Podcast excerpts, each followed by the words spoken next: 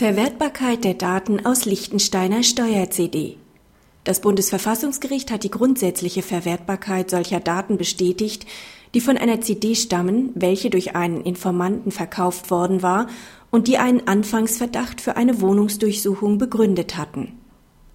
Gegen den Beschwerdeführer war im Rahmen eines Ermittlungsverfahrens wegen Steuerhinterziehung eine Wohnungsdurchsuchung angeordnet worden. Den Anfangsverdacht begründete der Ermittlungsrichter damit, dass ausweislich von Daten über einen Liechtensteiner Treuhänder der Beschwerdeführer über Vermögensanlagen in Liechtenstein verfügte, deren Erträge er gegenüber den deutschen Steuerbehörden nicht angegeben hatte.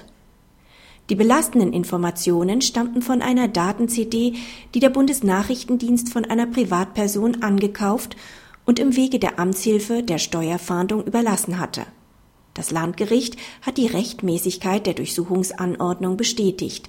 Dabei hat es die Verwertbarkeit der Steuerdaten auch für den Fall bejaht, dass der Erwerb der Daten-CD letztlich rechtswidrig gewesen sein sollte.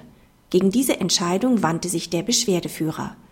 Nach Ansicht der Verfassungsrichter verletzt die Durchsuchungsanordnung nicht die Grundrechte des Beschwerdeführers. Dies gilt auch für den Fall, dass die Daten-CD rechtswidrig erlangt worden sein sollte – denn auch dann ging es lediglich um die Fernwirkung eines eventuellen Beweisverwertungsverbots.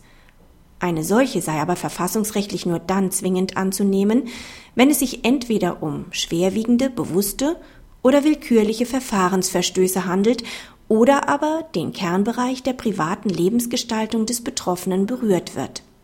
Beides sei ja aber nicht der Fall, denn die Annahme des Landgerichts, die Daten seien verwertbar, sei jedenfalls nicht willkürlich. Da es sich nur um Daten über Geschäftsbeziehungen zu Kreditinstituten handelte, war nach Ansicht des Bundesverfassungsgerichts auch nicht der Kernbereich der persönlichen Lebensgestaltung berührt.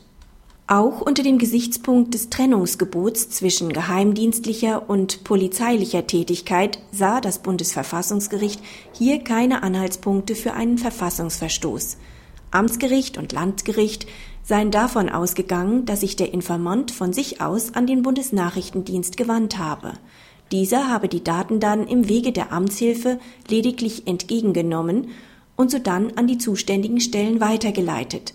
Unter diesen Umständen scheide eine Verletzung des Trennungsgebots aus, denn dieses besage nur, dass die Geheimdienste keine polizeilichen Zwangsbefugnisse besitzen dürfen. Demgegenüber sei die Behauptung des Beschwerdeführers, der BND wäre hier gezielt eingeschaltet worden, um dessen besondere Möglichkeiten zu nutzen, durch nichts belegt. Ausblick. Mit dieser Entscheidung liegt erstmals eine höchstrichterliche Stellungnahme zum viel diskutierten Problem der Verwertbarkeit der Liechtensteiner Steuerdaten vor. Der Beschluss bewegt sich dabei in den Bahnen der bisherigen, eher zurückhaltenden Rechtsprechung des Bundesverfassungsgerichts zur Beweisverwertungsverboten im Strafverfahren. Ob diese Zurückhaltung aber der besonderen Konstellation der Liechtenstein-Fälle gerecht wird, ist fraglich, zumal der Sachverhalt nach wie vor nicht vollständig bekannt ist. Leider setzt sich das Bundesverfassungsgericht nicht ernsthaft mit den zahlreichen Stellungnahmen aus der Literatur auseinander, die hier ein Verwertungsverbot bejahen wollen. Zwar lässt die Entscheidung des Bundesverfassungsgerichts noch die Möglichkeit offen, dass die Fachgerichte die Steuerdaten aus einfach gesetzlichen Gründen für unverwertbar erklären, dass sie von dieser Möglichkeit Gebrauch machen werden, erscheint aber sehr unwahrscheinlich